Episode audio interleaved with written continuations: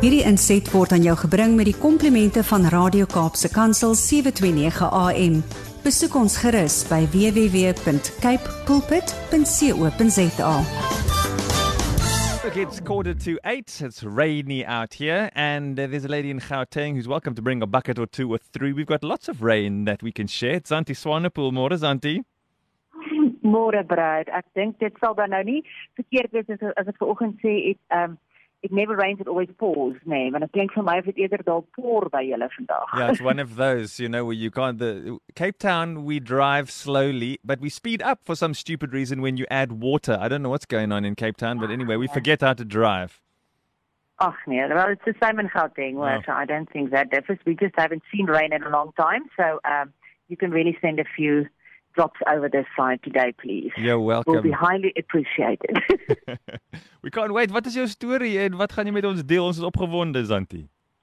Ag wel, Brad, weet jy, ek um, wil regtig ver oggend met die luisteraars sommer net ietsie deel wat ek dink ongelooflik belangrik is vir my en vir jou en vir al in die tye waarin ons leef and especially with what has been going on in the world in the last couple of hours and days if we look at Afghanistan and Mm. and what's happening there as well but I think it's applicable to every one of us and my theme this morning is it is not what you look at, but what you see. Mm. I want to repeat that. It is not what you look at, but what you see. Because sometimes in life, a fog sets in and you don't know which way is the right direction. There's a beautiful quote that says, Every closed eye is not sleeping, and every open eye is not seeing. In a tyd wat ons leef nou and where there are so many things going on around us, if ever there was a time to see things clearly, it is now. And the beautiful thing is, is that is what God has for us.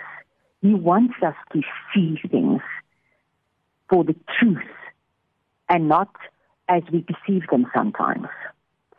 And I always use a, a, a metaphor to say that everything we see, everything around us that comes through our eyes, we frame in a certain way. And how we frame it is extremely important because that gives meaning to it. And sometimes it's not truth. It's just the way we frame it. Because if we look at a photo frame, I want to use four things. Now there are many, but I'm going to light or bring to, to, to, to light four things. Hmm. The first thing how we see things is we see it through our own focus. We see it through our own habits and patterns. We see, see it through our own perceptions and sometimes our past hurts and the thoughts we have about that. And then, according to all of those filters, hmm. we give a meaning to it. So we really don't see things for what they truly are. We rather see things as we are. I want to say that again. Hmm. Everything we see and we hear around us, we don't see them as they are. We see it as we are. And when we come to know that about ourselves, that we frame everything we see, it becomes a bigger responsibility for us to ask the Holy Spirit to show us what it truly is. Each one of us see the same thing happening in Afghanistan, but all of us had a, has a different perception or a different interpretation of that. But if we see it through God's eyes, we will still see that He's in control and we will still see that He truly loves hmm. everyone on this earth.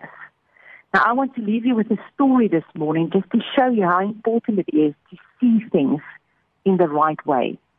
You see, growing up in Florida, there was a girl and she says, I was in the water more than on land, it seemed. We were coastal kids. Pools, lakes, and ocean fronts were our play- playgrounds. One summer afternoon, my dad came through the door with a pair of goggles. Not the Olympic type, you know, that looks like these futuristic glasses or maybe something from the past. Hmm. These were those ones that cover your whole face with a snorkel strapped on the side. She says, with this goggles strapped closely to my face, I jumped and I was underwater. I had done this a thousand times before, but this time it was different. I could see clear as day. It was a whole new world. Wow.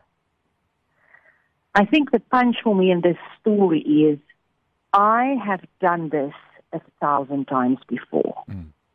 but for the first time, I saw a whole new world. That world has always been there, but she has not always seen it, for she had no goggles on. And in that metaphor, I want to really state this morning that the fact that she could see the beauty under the water didn't make, when she couldn't see it, Mm. that reality less true. It was always there. And that is how the kingdom of God and the kingdom of heaven works on earth as well. It is here. It is around us. The fact that me and you have a blurred vision doesn't make it less true, mm. less of a reality. But how often do we go on our knees and ask God to reframe our sight and to reframe how we think about things by putting on the goggles of the Holy Spirit? Because that's the only way we are going to make sense out of things that don't make sense at all. Is to put on the Holy Spirit's goggles that will give you sight and me sight. Hmm. And I love to, I mean, there's no other way. The bread of life is the word of God. And in, in his word, he is so serious about this. He says in Matthew 6 verses 22, and please take your highlighter and highlight this in your Bible. Put it on your fridge. Put it in your car. But have it somewhere on your phone. Because it says the eye is the lamp of the body. Hmm. So then if your eye is clear, your whole body will be full of light. We have to see clearly, and we cannot do that without the goggles of the Holy Spirit. Mm. Not, in, not possible. In 2 Corinthians 3, verses 16, it says, But whenever a person turns to the Lord, the veil is taken away. Wow. May our veils in Jesus' name be taken away this morning. And may we ask the Holy Spirit to see things as God sees them so that our filter system is taken out of the process. And we don't live lies because we don't see. We are blurred in our vision.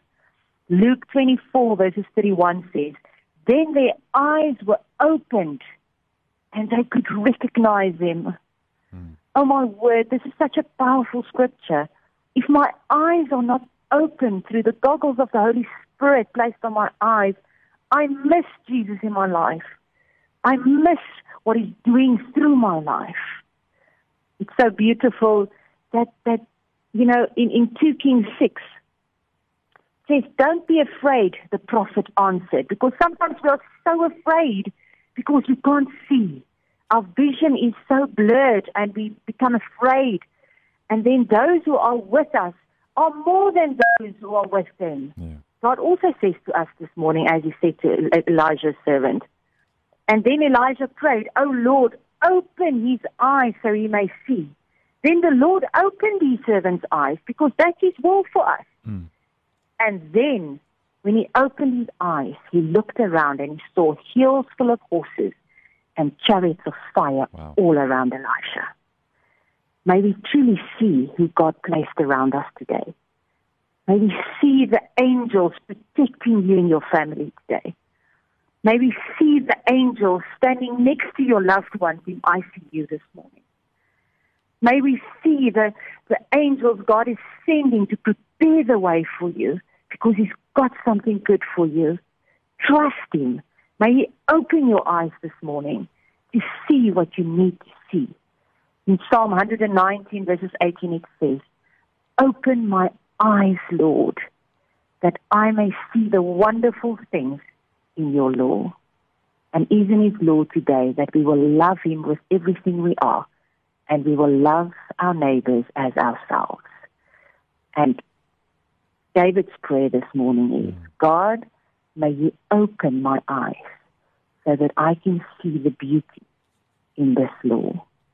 That is my prayer for each one of us this morning, that we would stop interpreting, stop thinking, overthinking, um, just having this blurred vision, but that we will just go on our knees this morning and say, Lord, I confess. Mm. I am totally confused. My vision is so blurred, and everything I'm seeing might be so wrong and so far from the truth.